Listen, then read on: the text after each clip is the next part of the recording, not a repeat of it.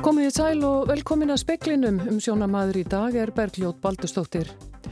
Kartmaður er í öndunarvél á spítala með stórhættulega matareitrun. Veiran greindist síðast á Íslandi fyrir næstum 40 árum. Kartmaður sem lögregla grunar um að hafa banað manni í Úlfarsárdal í byrjun desember er laus úr gæsluvarhaldi. Landsréttur telur lögreglu ekki hafa stutt grunn að það vel með gögnum. Rétturöld eru hafinn í öldungardild bandaríkja þings yfir Donald Trump fósetta. Demokrater saka republikana um að ætla að leina sönnunargögnum gegn honum. Formaður eblingar segir að tilbóð félagsins í viðræðum við borgina byggist á lífskjara samningnum. Hún varar við því að fólk fórni sjálfstæðum samningsrétti. Vestra vet, vetrarveður sem umgetur í meirinn 40 ár geysar nú á norðaustur spáni að minnstakosti fjórir eru látnir. Og sangað nýri rannsókn er hægt að draga úr lofslagsvá, offitu og vannæringu með réttu mataræði. Niðurstöðunar sína að best er að vera grænkeri eða vistkeri. Karlmaður er í öndunarvéla á spítala vegna bótulisma. Það er stór hættuleg matareitrun sem getur valdið því að fólk lamast algjörlega. Sótvarnarleiknir á ekki vona á því að annað tilfelli komi upp á landinu. Þetta getur verið mjög hættuleg síking þannig að einstaklingar hætta að geta andað og þurfa þess vegna að fara á öndunarvél í töluverðan tíma meðan að þetta er að ganga yfir. Segir Þórólfur Guðnarsson sótvarnarleiknir. Bótulismi er mjög sjálfgef eitrun sem hefur aðeins greinst hér á landi þreysvar. Fyrst árið 1949 þegar fjóri menn veiktust eftir að hafa borðað súrsaði dilkakjött, aftur 1981 þegar fjóramanna fjölskylda veiktist og síðast árið 1983 þegar móður og barn veiktust eftir að hafa borðað súrt slátur. Þórólfur býst ekki við að fleiri tilfelli greinist núna. Þannig að ég held að um, það væri mjög uh, ólíklegt ef annar tilfelli kæmi upp og, og eins og nútíma matarframleiðsla er að þá er mjög ólíklegt að þetta komi upp í fjölda framleitum mat eins og, og þorramat og slíku, það væri mjög ólíklegt. Sagði Þórólfur Guðnásson, sótvarnalæknir Jón Hákon Halldórsson tók saman. Landsréttur hefur felt úr gildi gæsluvarðhalds úrskurði yfir manni sem grunaður er um að hafa hrind manni fram af svölum íbúðarhús á Skignibraut, Skignisbraut í Úlfarsárdal 8. desember. Maðurinn hefur setið í gæsluvarðhaldi síðan þá. Hér á Stómur Reykjavíkur hafði úrskurðað um framlengingu þess til 13. februar. Landsréttur segir hins vegar að rannsóknargögn í málinu bendi til þess að nokkur óvisa sé um þá atbyrðará sem leiti til andláts mannsins. Dómurinn telur að framburði vittna ber ekki saman um mikilvæg atriði. Laureglan hafi því ekki sínt fram á það með gögnum að fyrir hendi sé sterkur grunurum að hinn grunaði hafi banað manninum.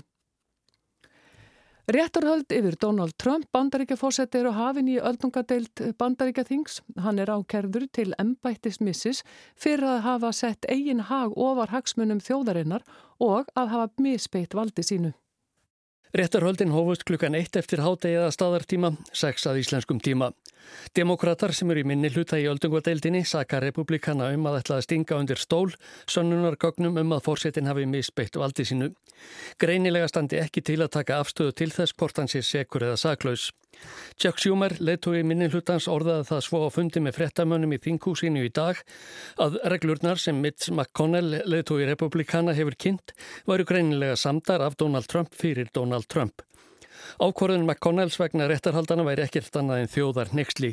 Dagsins verði minnst í framtíðinni sem eins af þeim dapurlegustu í sögu öldungadeildarinnar. McConnell's resolution is nothing short of a national disgrace. And it will go down in history as one of the very dark days of the Senate. Þetta er einungis í þriðja sinni sögubandaríkjana sem fórseti er ákerður til embætismissis og stemt fyrir rétt í öldungadeildinni. Sjálfur hefur Trump kallað réttarhöldin blekkingu og nortna veiðar. Ásgeir Tómasson sæði frá. Nú stendur yfir leikur Íslands og Noregs í Evrópumestaramótun í handbólta Karla. Staðan í háluleik var 1912 fyrir normenn. Leikurinn er síndur í beitni útsendingu á rú.is og rúf. Solveig Anna Jónsdóttir formaður eblingar segir að tilbóð félagsins í kjara viðræðum við Reykjavíkuborg byggist á lífskjara samningnum. Já, Fransi fari fram á að staða félagsmanna hjá borginni verði bætt. Hún segir mikilvægt að sjálfstæður samningsréttur fólksins sé virtur. Ebling hefur bóðað til opins samningafundar í yðnó á morgun þar sem kröfur félagsins verða opinberaðar. Við byggjum okkar tilbóð á lífskjara samningnum. Það er bara óumdeilanlegt og ég bara hvet þig og aðra til þess að koma á fundin sem við höfum bóðið á morgun þar sem við munum bara mjög vel og rækilega að fara yfir það tilbúð sem við lögum fram og ég vil þá líka fá að lokum að segja það að fyrsta og í raun eina tilbúð borgarinnar sem að lagt hefur verið fram til okkar er verra en hins svo kallega lífskjara samningur. Nánar er rætt við Solveigu önnu síðar í speklunum en aðeins meirum samningamálin. Við samningar nefnd Reykjavíkuborgar í kjara deilunni við eblingu hefur fullt umboð til að halda áfram viðræðum, segir Dagur B. Ekkertsson borgastjóri í svari sínu við opnu brefi Solveigar önnu formas eblingar. Solveig Anna fór fram á að dagur er því sjálfur til samninga um kjör starfsmannaborgarinnar. Hann telur það grafa undan umbóði samninganemdarinnar til að klára samninga. Nemndir, nemndin Óskar þess vegna eftir því við ríkisáttasemjara að viðræður verði hafnar á ný eftir hefðbundnu og lögformulegu ferli. Íslandingar hafa aldrei nýtt sér heimahjógrun að ráði í samanburði við nágrannalöndin, segir heilbriðisráð þeirra. Stjórnarandstöðu þingmenn segja lítið gerast í uppbyggingu hjógrunaríma. Helbreyðsmálinn voru rætt í fyrsta óundirbúna fyrirspurnatíma ársins á alltingi í dag. Helga Vala Helgadóttir, þingma samfélkingarinnar, sagði ráð þeirra að tala um krónutöluhækkun í fjárveitingum en ekki nefna að 20% niðurskurður í hruninu hefði ekki verið bættur og ekki heldur læknasamningar frá 2015. Ég vil byggja hæstvirtar ráþærum að hlusta á rattir þeirra sem reka hjúkurnar heimilin sem segjast þurfa að senda veikasta fólki á landsbítala í sparnaðarskinni. Þorstegn Víglundsson var að formar viðreysnar sagði vanda landsbítalans valda nokkru fyrðu í ljósi yfirlýsingaríkistjórnarinnar um að hún væri með heilbreyðsmálin í forgangi. Hann gaggrindi hægagang í uppbyggingu hjúgrunarima. Og en bólar ekki neitt á neinum áformum. Hæstutur á þeirra bóðaði hér átak á höfuborgarsæðinu 209 rými og samkvæmt nýjust áallin helbriðisáðanrættisins hefur, hefur þeim rýmum ekki einu sem verið fundin lóð. Svandi Svavastóttir heilbriðsar á þeirra sagði að fjármagn í málaflokkin hefði aukist um 34 miljardar í ráþæratíðsenni. Gera þyrti betur í sveianlegri dagvikst og heimahjókurun. Og þar sem að heimahjókurun er annars vegar að þá höfum við Íslendingar í raun og veru Við höfum ekki bara dreigist aftur úr heldur höfum við í raun og veru aldrei verið að skila uh, í raun og veru neinu sem, uh, sem nokkuru nemur til heimahjókurunar í samanbyrði við löndin í kringum okkur. Saði Svandís og bætti við að starfsópur um vanda landsbítala hefði tekið til starfa í morgun. Brynjólfur Þór Guðmursson tók saman. Matvælastofnun hefur varað við neyslu á ostrum frá fyrirtækinu Vang Korea vegna nóróveru sem greintist í þeim. Osturnar voru seldar í vestluninni Daipat sem hefur innkallað vöruna í samráði við heilbyrðisettilið Reykjavíkur. Upplýsingar um osturnar bárust matvælastofnun í gegnum evróska hraðviðvörunarkerfið um matvælu og fóður. Innkallinin nær til allra dagsetninga vörunar sem framleitt er í söður Kóreu. Viðskiptavinum sem hafa keift vöruna er bent á að neytennar ekki og farga eða skila ástrunum til þeirrar verslunar þar sem þær voru keiftar gegn endurgreðslu. Versta vetrarveður sem umgetur í meir en 40 ár geysar nú á norðaustur hluta spánar að minnst ákvæmsti fjórir eru látnir. Vindræði hefur farið yfir 30 metra á sekundu og það kingir niður snjó. Sjór flæðir víða upp á land og hafa flóðbylgjur rústað verslunum og veitingastöðum við sjáarsíðuna. Í Girona hér aðeins norðan við Barcelona fór rafmagn af á stóru svæði gær og 220.000 manns voru án rafmags klukkustundum saman. Hraðbrautin á milli Fraklands og Spánar var ófær vegna fannfergis og lestarsamgöngur stöðuðust sömuleiðis vegna snjóa. Rauðu viðbúnaðastígi var lísti yfir í meira en 30 sístlum á Spáni. Vitaður um fjögur döðsföll sem rekja má til veðursins. Í Avila lést Karl þegar hann fekk fljúandi þakkflísar í höfuðið. Heimilislaus kona fröys í hel í Valencia. Karl fannst að látin vegna ofkælingar fyrir utan heimili sitt í Moisent og í Astúrias lést Karl í bílslisi á snæfitöktum þungfærum vegi. Lægðin hefur nú tekið stefnun á Suður Frakland og þar er spáð versta veðri á svæðinu síðan árið 1982. Jóhann Líðar Harðarsson tók pistilinn saman. Hópur vísindamanna hefur reiknað út hvernig mataræði hefur áhrif á helsu fólks og umhverfið. Þeir sína fram á að með réttu mataræði er hægt að draga úr lofslagsvá, offittu og vannæringu sem eru þrýr faraldrar sem nú geisa í heiminum Hópurinn hefur byrt niðurstöðu sínar í vísindatímaritinu Landsett. Tóra Aspelund, líftölfræðingur, er í rannsóknarhópnum og hann heldur erindi á morgun á málþingi um samspil næringar, heilsu og umhverfis á samt Jóhannu Torfadóttur, næringafræðingi. Tór er komin hingað í speilin. Verðt velkomin. Takk fyrir. Sko aðeins bara fyrst um rannsóknarhópin, sko hvað er þetta stór hópur sem að þú ert í eða þið sem eru að þessu?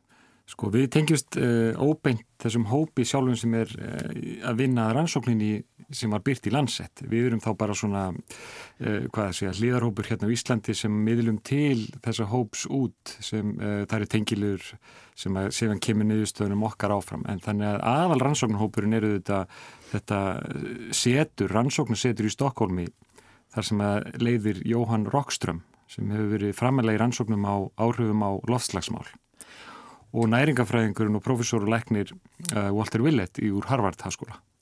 En aðeins um sko ástandið, hvers, hversu hættulegt er ástandið? Eru er margir sem er að glíma við vannaring og þetta? Já, muna að, að við erum að hugsa um, erum að hugsa fram í tíman. Núna eru við að verða 8 miljardar en þeir eru að hugsa hvað gerist 2050 þegar við erum orðum 10 miljardar og þá þarf að fæða allt þetta fólk og við höfum verið að sjá hér á Íslandi og í löndunum í kringum okkur að offita fer vaksandi mjög hratt.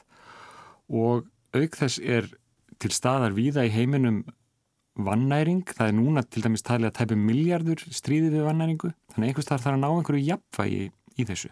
Og það er þeirra að hugsa með því að hugliða hvernig er þetta að setja saman matinn þannig að við náum einhvern veginn að hafa áhrif á offittuna, vannæringuna og um leið að hugsa um þess að sjálfbarni getur við fætt 10 miljardar eftir nokkur ár. Og hvað, hvað gerðu þið? Hvernig rekniði þetta út? Hvað er best að gera? Já, þeir reknuði þetta út þannig að e, þeir sem sagt, þeir reknuði þetta út að, að það þarf að draga úr ágangi á jörðina. Þeim sagt, minga kjötneisluna því hún er svo frek á jarðnótkun áburðanótkun og vatn. Þannig að það þarf að huga þar að sjálfbærni. Í staðin innleiða meira úr plönturíkinu, plöntuprótein og heilkorn og svoleiðis mat. Og það er líka svo mikið af fólki sem að raunlega skortir þann mat en hann hotla mat. Þannig að sko áherslan er á að innleiða meira hold.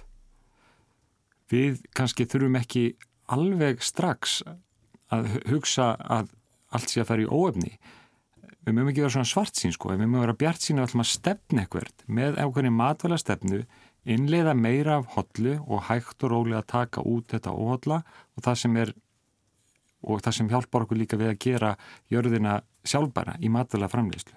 Þannig að niðurstöðunar eru, hverjar eru þær svona helstu? Þær eru þær að það er hægt að bera saman nokkra svona leiðir.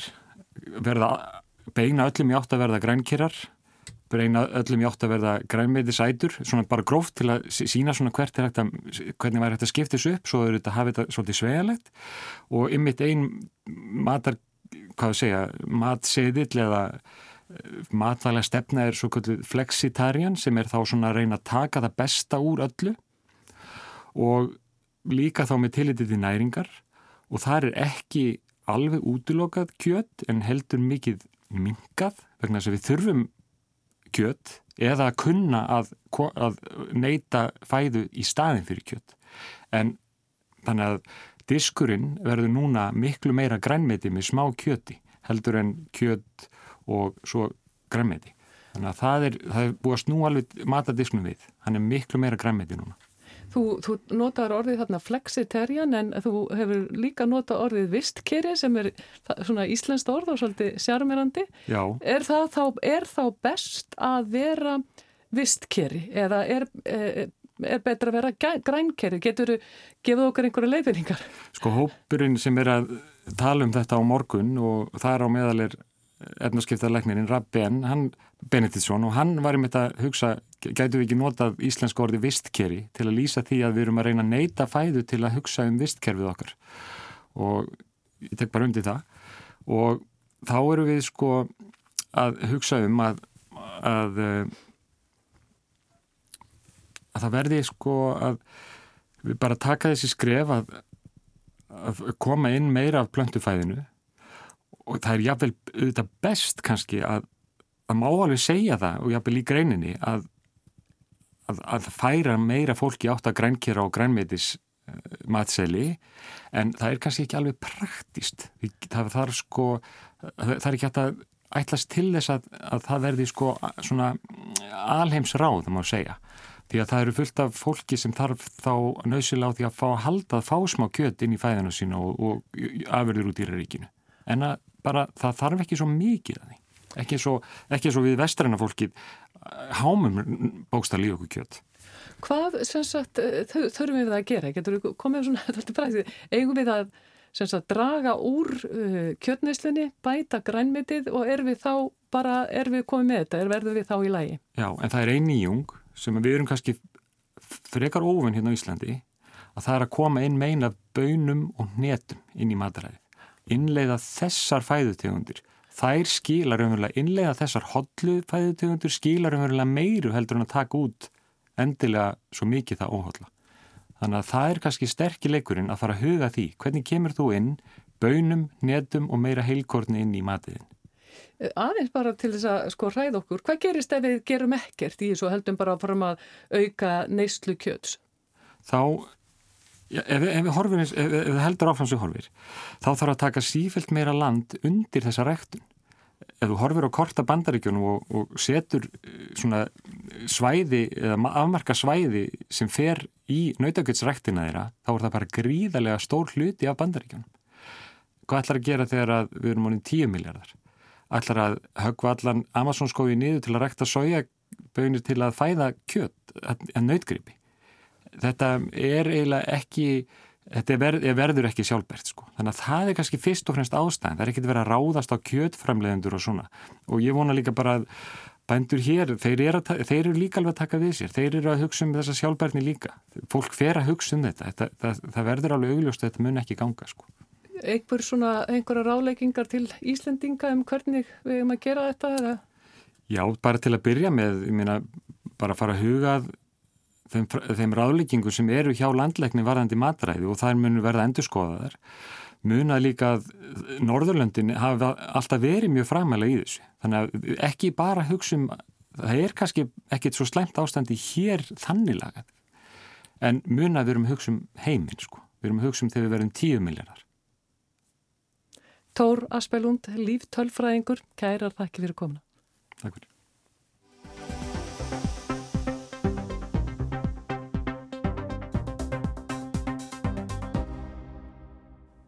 Formaður eblingar segir að félagið sé ekki tilbúið að fórna sjálfstæðum samningsrétti fólksins. Intak krafna félagsins sé byggt á lífskjara samningnum. Jáframt sé farið fram á leiðréttingu á stöðu félagsmanna hjá borginni sem séu á föstum tögstum. Í mörgum tilfellum sé verða bjóða fólki upp á líf í fátækt.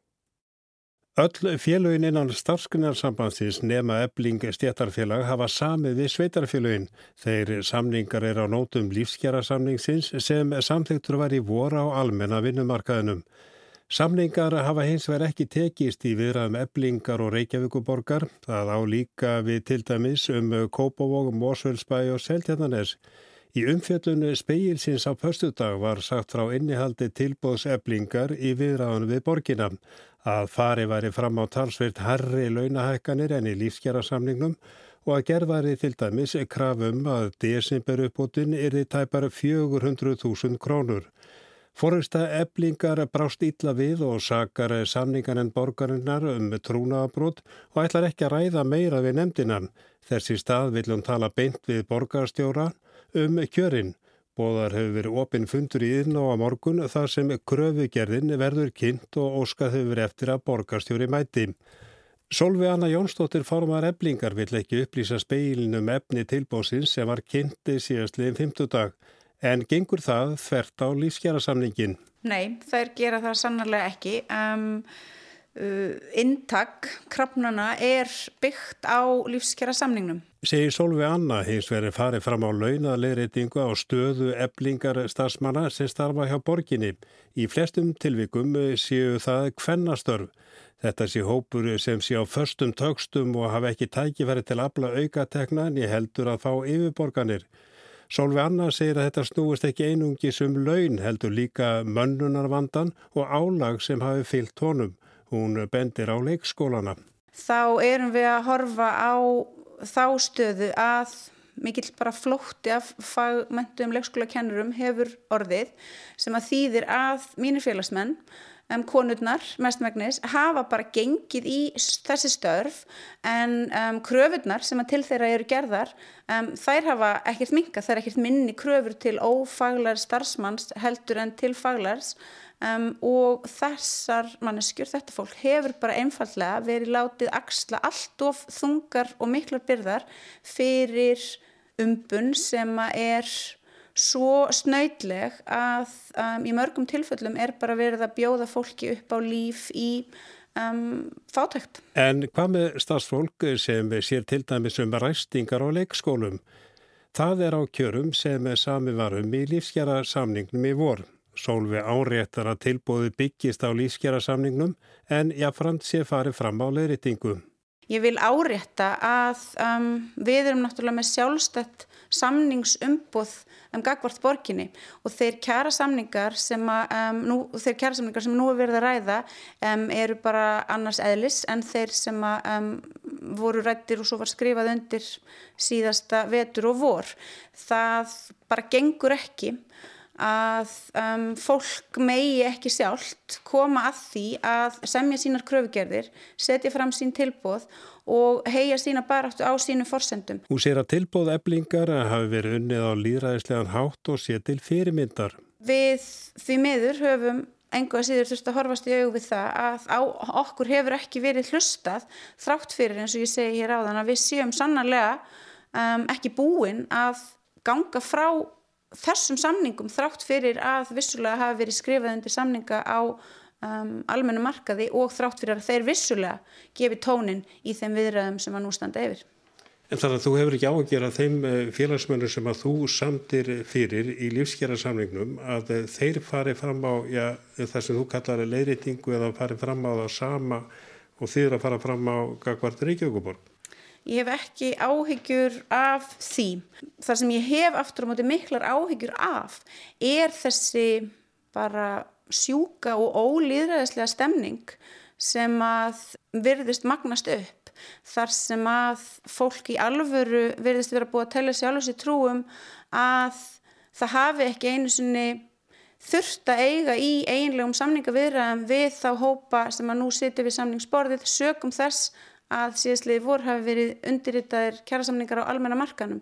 Ég hef áhugjur af því og mér finnst það um, benda til þess að fólk bara gerir sér kannski ekki fulla grein fyrir alvarleika þess ástands sem að fengið hefur bara að grassera með þessari svo kalluðu samramdu láluna stefnu um, þar sem að helstu fórnarlömpin eru emitt um, ómentaðar um, konur. Í lífskjara var samið um hófsamar launahekkanir til að stuðla meðal annars að lækun vaksta minni verbolgu og stuðuleikan. Vextir hafa lækkað um 1,5% og verbolgan mælist 2%. Er ekki hægt við því að ef hrópla verði við honum þar að segja lífskjara samningnum að höfrungarhlaupið fara á stað og aðrir krefji sömu kjarabóta. Solveig lítur ekki svo á að ebling sé með sínu tilbóði að hrópla við lífskjara samningum. Hún segir ekki að veri hlustað á kröfur þeirra. Mögulega næst sá árangur núna um, eftir að við höfum bara stíð þetta afdrifaríka um, skref sem við höfum gert að krefjast þess að borgarstjóri æðsti yfirmaður starfsmanna borgarinnar, æðsti yfirmaður hvennana í leikskólanum og þeirra sem að sinna umununastörfum að hann bara axli sína ábyrð Solveig bendur á að samningar hafa almennt núna tekið langan tíma þar sé ekki bara ebling sem standi í þessu spórum innan BHM sé verið að velta fyrir sér skamtíma samningum. Hún ítrekkar mikilvægi þess að hafa sjálfstæðan samningsrétt. Ég veit ekki hvað ég get sagt meira um það hversu mikilvægt það er að við öll sem að búum hér virðum sjálfstæðan samningsrétt fólksins sem að starfar hér á íslensku vinnumarkaði. Ef við erum búin að samþykja að kasta því út um glöggan þá erum við að mínum að þið búin að um, færa bara algjörlega óásættanlega fórn og við bara erum ekki tilbúin til þess að fara þanga. En það er ekki samsum áður þannig að það fólst í lífsgerðarsamningnum og allir þeir sem er að semja e, sveitarfél og ríkið við háskólamenn og aðra ofnbæra stafsmenn að það er allir að halda sig við lífsgerðarsamningin og ykkur stendur til bóða, samkvæmt mínum heimildum, af halvu Reykjavík borgar að fá samskonarsamning og átján félög af nítján innan starfsgrunarsambansins hafa skrifað undir. Þið getið ekki felt ykkur við þann samning. Um, í fyrsta lagi þá kemur ekki til greina minni hálfu og þetta hef ég bara rætt um, vel og vandlega með hér, mínu fólki og mínum samstagsfélögum.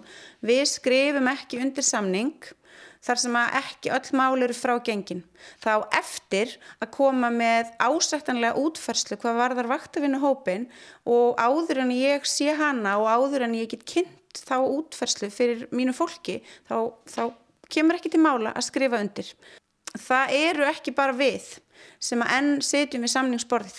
Og það er bara mjög mikilvægt að það komi fram að það er ekki bara ebling einn sem að setjur eftir. Ég get ekki svarað fyrir félaga minna í starfsgrunnarsambandinu hvers vegna þau ákváðu að skrifa undir þrátt fyrir til dæmis að um, málefni vaktafinu fólks væru enn óútkljáð. Ég get bara talað fyrir sjálfa mig og mína félaga um, slíkt kemur ekki til greina af okkar hálfu Og þetta var Solveig Anna Jónsdóttir, Arnar Páll Hugson talaði við hana. Staðan í leik Normanna og Íslendinga á Evrópumeistaramótin í handbólta Karla er nú 24-20 fyrir normenn. Leikurinn er síndur í beitni útsendingu á Rúf. Veðurhorfur næsta sólarhingin gengur í sunnan 13 til 20 í kvöld og nótt með talsverðri rigningu en úrkomi minna norð-austalands. Hlínandi hiti til 5-13 stígum hádegi á morgun, hlýjast norðaustan til. Snýst í söðvestan 15-23, sítegis með jæljum og kólandi veðri en róvar til um landið austanvert. Og það var helst í speiklinum í kvöld að kartmaður er í öndunavél á spítala með stórhættulega matareitrun. Veiran greindist síðast á Íslandi fyrir næstum 40 árum. Karlmaður sem laurugla grunar um að hafa banað manni í Úlfarsárdal í byrjun desember er laus úr gæsluvarhaldi. Landsréttur telur lauruglu ekki hafa stutt grunn sinn næjanlega vel með gognum. Rétturhöld eru hafinn í öldungardeilt eh, bandaríkjathings yfir Donald Trump fórseta. Demokrater saka republikana um að ætla að leina sönnunargognum gegn honum. Formaður eblingar segir að tilbóð félagsins í viðræðum við borgina byggist á lífskjara-samningnum. Hún varar við í að fólk fórni sjálfstæðum samningsrétti. Og versta vetrarveður sem umgetur í meirinn 40 ár geysar nú á norðaustur Spáni. Að minnstakosti fjóri eru látnir. Samkvæmt nýri rannsóknir hægt að draga úr lofslagsvá, offitt og vannæringu með réttu mataræði. Niður stöðna sína að best er að vera grænkeri eða vistkeri. Tæknumæður í speklinum í kvöld var Magnús Þorstein Magnússon. Fleira er ekki í speklinum, verði sæl.